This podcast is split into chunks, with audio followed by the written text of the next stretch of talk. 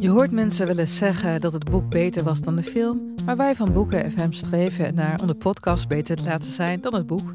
Wij lezen de klassiekers die je nog niet gelezen hebt. We lezen de boeken die je heel graag wil lezen, maar waar je eigenlijk voor schaamt om in het publiek mee gezien te worden. We lezen de Libris-winnaars. Uh, we praten over de Nobelprijslariaten. Allemaal zoals je een etentje hebt dat je moeiteloos mee kan praten en dat het lijkt alsof je helemaal belezen bent. Wij zijn Ellen, Joost en Charlotte van Boeken FM en je kunt ons luisteren in je favoriete podcast-app.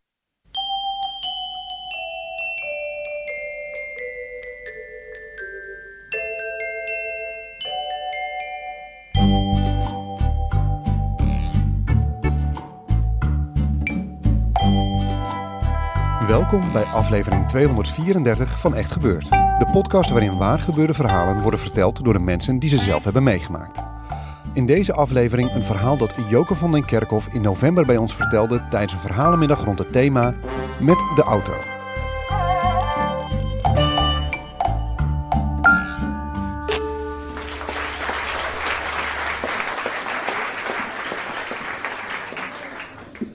Zolang als ik me kan herinneren ben ik al geobsedeerd geweest door het land Nieuw-Zeeland. Toen ik zeven was, deed ik mijn eerste spreekbeurt niet over mijn cavia of mijn hond, maar in dit geval over Abel Tasman, de grote Nederlandse ontdekkingsreiziger die ooit naar Nieuw-Zeeland was gevaren. Mijn grote droom was dan ook om ooit naar Nieuw-Zeeland te gaan.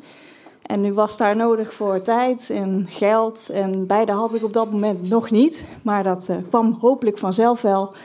En toen dat maar niet gebeurde en niet gebeurde, ben ik uiteindelijk naar een tatoeageshop gegaan en heb daar een tatoeage laten zetten van de topografische kaart van Nieuw-Zeeland. In de hoop dat ik dan niet zo'n loser werd die een tatoeage had van een land waar die dan nooit was geweest. Nou, gelukkig is het dus ook goed gekomen. En op mijn 25ste kon ik uh, naar Nieuw-Zeeland, want ik had die tijd en dat geld gevonden.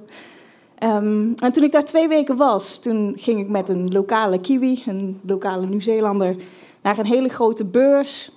Waar allemaal busjes en auto's stonden van backpackers die hun reis net hadden afgerond. En backpackers die hun reis net wilden beginnen. Want je koopt in Nieuw-Zeeland een auto, dat is het goedkoopst. Om dan vervolgens het hele land door te trekken.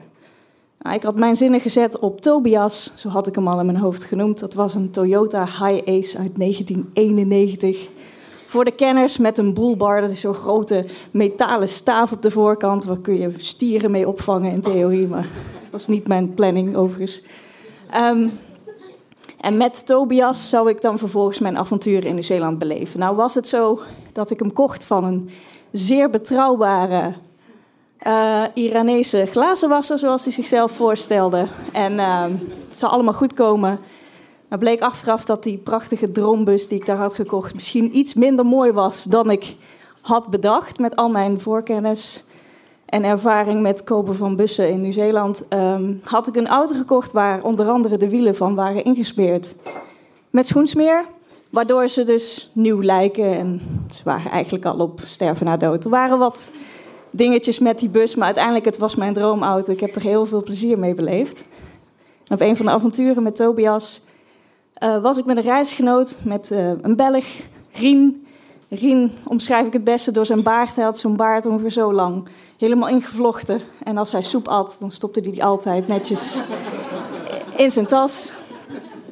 En um, door Rien uh, kwam ik ook twee andere dames tegen, Amanda en Sarah. En met hun gingen we op avontuur. En een van deze reizigers, Sarah, zij was geobsedeerd door pinguïns. Nu is er uh, in Nieuw-Zeeland een hele speciale pinguïnsoort, de yellow-eyed penguin. Het is een zeer zeldzame endangered species.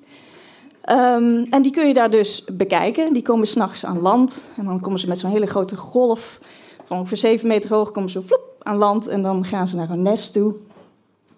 Dus dat wilde Amanda heel graag zien. Nou, wij gaan dat natuurlijk niet onthouden om dat haar te zien, dus wij rijden daar naartoe. En eenmaal daar aangekomen blijkt dat je daarvoor moet betalen. Nou, was ik wel een backpacker, dus budget was, was minim. En uh, gelukkig was Rien ook een redelijke Hollander.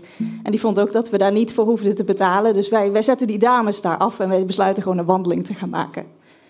Dan waren we 200 meter verder met onze wandeling en wij horen een licht gepiep aan de rechterkant. Dus ik kijk naar rechts en ik zie een nest met allemaal baby penguins en eieren. Dus wij konden ons geluk niet op. Wij krijgen hier gratis een nest met baby penguins.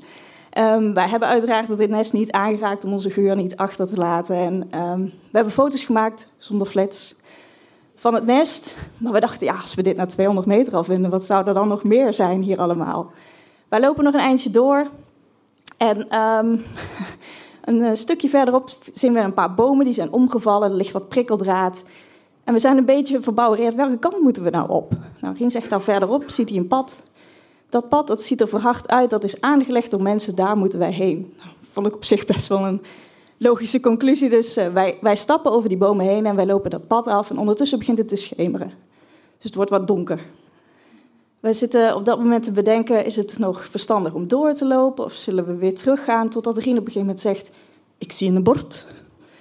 En op dat bord stond uh, anderhalve kilometer strand. Nou, perfect. Dat is een goede afstand. Dan komen we weer bij het strand. En vanaf het strand kunnen wij waarschijnlijk onze vrienden weer oppikken. En dan kunnen we weer verder met onze reis. Uh, die uh, weg naar het strand was niet zo'n ideale weg achteraf gezien met schemerdonker. Want die bleek langs de kliffen af te gaan, waar je ongeveer 20 centimeter hebt om je stap te bepalen. Wij hadden dus geen mobiele telefoons met van die lampjes en zo, dus je doet het puur op uh, de maan en de sterren. Dus eenmaal halverwege die kliffen dachten we ook, ja, dit doorgaan is de enige optie, want terug gaat ook niet meer. Maar we zijn bij het strand aangekomen, gelukkig. Wij hartstikke blij, yes, we zijn bij het strand, we kunnen weer terug naar de auto. We draaien de hoek om en we kijken recht op de tribune waar alle mensen zitten om s'avonds betaald te kijken naar uh, die pinguïns die dat strand opkomen. En uh, ja, wat moet je dan? Je moet je voorstellen, zo'n tribune met zo'n gangpad in het midden, bouwlampen erop, zeeleeuwen, pinguïns, hartstikke gezellig allemaal. Maar je kunt dus niet die kant, maar je kunt ook niet meer terug. Uh, wat gaan we nou doen, Rien? Ja, weet ik ook niet we kunnen wachten. Ja, we, kunnen vooral wachten. Dat is een optie, die hebben we. Uh, dus ja, na een tijdje besluit Rien... Ja, het is ook wel mooi als we uh, die pinguïns gratis kunnen... Dus, ja, goed, oké, okay, gaan, wij gaan een stukje naar voren zitten. En Rien zegt op een gegeven moment, zullen we er een foto van maken? Dus ik zeg, ja, geen flits. Hij zei, natuurlijk geen flits. Gelukkig was hij wel zo verstandig om geen flits te gebruiken. Nou, het probleem... Probleem, hij had een hele mooie dure camera... En daar zit zo'n indicatielampje op, zo'n rood lampje. Ik weet niet of je dat kent. Nou, dus toen hij een foto maakte van die pinguïns, toen barstten aan de andere kant ongeveer alle alarmbellen af. Er werd over de speakers in één keer gegalmd dat er indringers waren. Intruders, intruders. En uh, dat, uh, dat ze iets gespot hadden. En dat er hele, hele, hele slechte mensen op de wereld waren. En die hadden ze dus nu gezien. Dat waren wij dan. Um, ja, daar zit je dan. Um, dus ja, ik kon ongeveer wel door de grond doorzakken, want ik zag mijn hele droom om ooit iets in Nieuw-Zeeland op te bouwen alweer helemaal ja, naar de kloot te gaan. Ik weet niet of ik dat hier mag zeggen, maar bij deze. Um, en uiteindelijk zie ik een ranger. Die komt uit die tribune naar ons toe. Die loopt heel voorzichtig. En bij elke stap die ze naar ons toe zet, zie ik haar gezicht bozer worden. Mijn gezicht waarschijnlijk elke stap bleker worden. Die was echt boos. En bij bij elke stap die ze zet, komt er uit die speakers daarvan... Uh, You've violated the penguins. You're a very, very bad person. Dus ja, ik zeg, penguins aangerand. Ik, penguins aangerand. Ik, ik, ja, nou, in die situatie zit ik daar. Die ranger komt bij ons, hartstikke boos. Uh, maar die zit vervolgens ook vast waar wij zitten. Want ja, hoe moeten wij nou die kant op?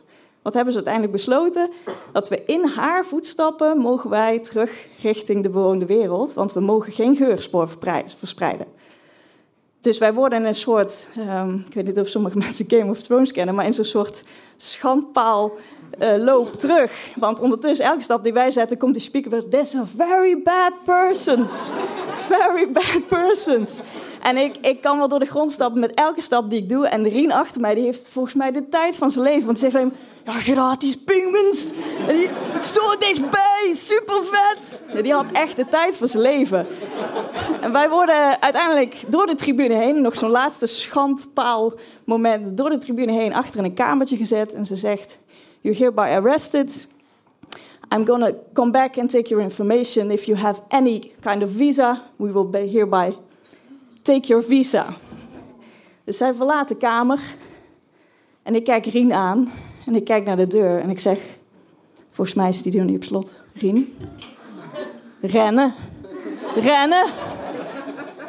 En dat hebben we ook gedaan. We hebben echt een noodsprint gemaakt. Die deur uit, de, de, de kamer uit, richting de parkeerplaats. Naar de auto. Ik kan je zeggen, als je naar een auto rent, zoals in de film... dan gaat het echt niet lukken om in de eerste keer die sleutel in dat slot te krijgen.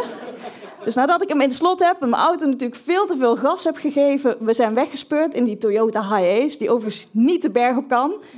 Dus het was waarschijnlijk een hele inspectaculaire ontsnappingspoging, zo met 30 de berg op. Maar we zijn ontsnapt. En die vrienden die we op de tribune hadden achtergelaten, die ook zoiets hadden van... Rien, Joke? Die hebben we uiteindelijk nog opgepikt, dat is goed gekomen. Ze zijn ergens op een andere plek weer naar ons toegekomen. Vier dagen later in het land, ik was nog steeds best wel van slag, want ik voelde me nu een voortvluchtige op, op een visum en ik had hier nog zoveel maanden te zitten. Um, kom ik in mijn busje op de weg, uh, achter mij zie ik politielichten in mijn uh, achteruitkijkspiegel. En ik denk eerst, die zijn niet voor mij. Ik bedoel, ik rij in de meest slome auto die er bestaat. Dus ik schuif mooi van rechts, want je rijdt naar rechts, naar links. En die auto gaat ook naar links. Dus, oh shit. Seine, seine. Volgens mij heeft hij tegen mij, ja, ik moest stoppen. Dus ik denk, shit, ik ben erbij. Dit is het, dit is het einde. Het is klaar. Dus uh, ik zet de auto naast de kant, het raampje openrollen politieagenten, ook zo weer een politieagent met zo'n boos gezicht, dat uh, kwam me weer bekend voor. Die uh, komt naar me toe lopen en die kijkt me aan en die vraagt: Weet je eigenlijk wel wat je aan het doen was net? Ik zo: Ja, autorijden. ja, maar weet je wel hoe hard je reed?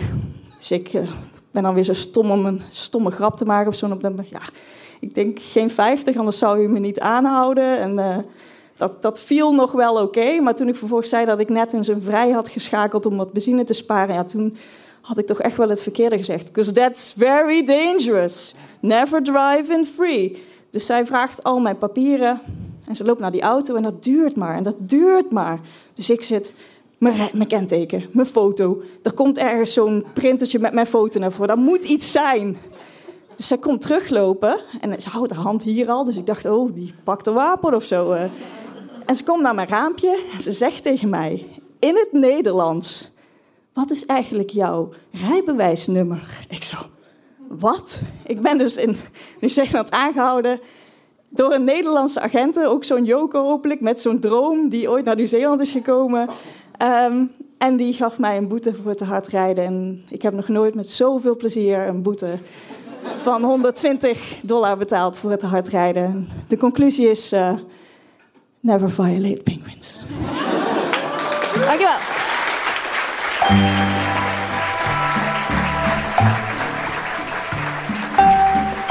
Dat was het verhaal van Joke van den Kerkhof.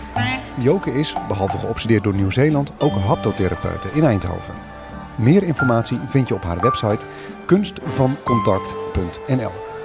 Op dit moment is Joke opnieuw op reis in Nieuw-Zeeland en zal ze daar als een echte crimineel ook weer terugkeren naar de plaats van de misdaad. Echt gebeurd is een verhalenmiddag die elke derde zondag van de maand plaatsvindt in Toemler, de comedyclub onder het Hilton Hotel in Amsterdam. Wil je ook een keertje komen? Kijk dan op www.echtgebeurd.net voor komende data's en thema's.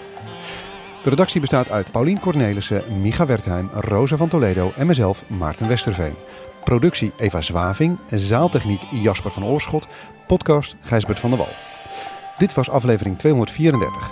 Bedankt voor het luisteren en vergeet niet, als je tussen de kiwis zit, blijf dan alsjeblieft met je poten van de penguins af.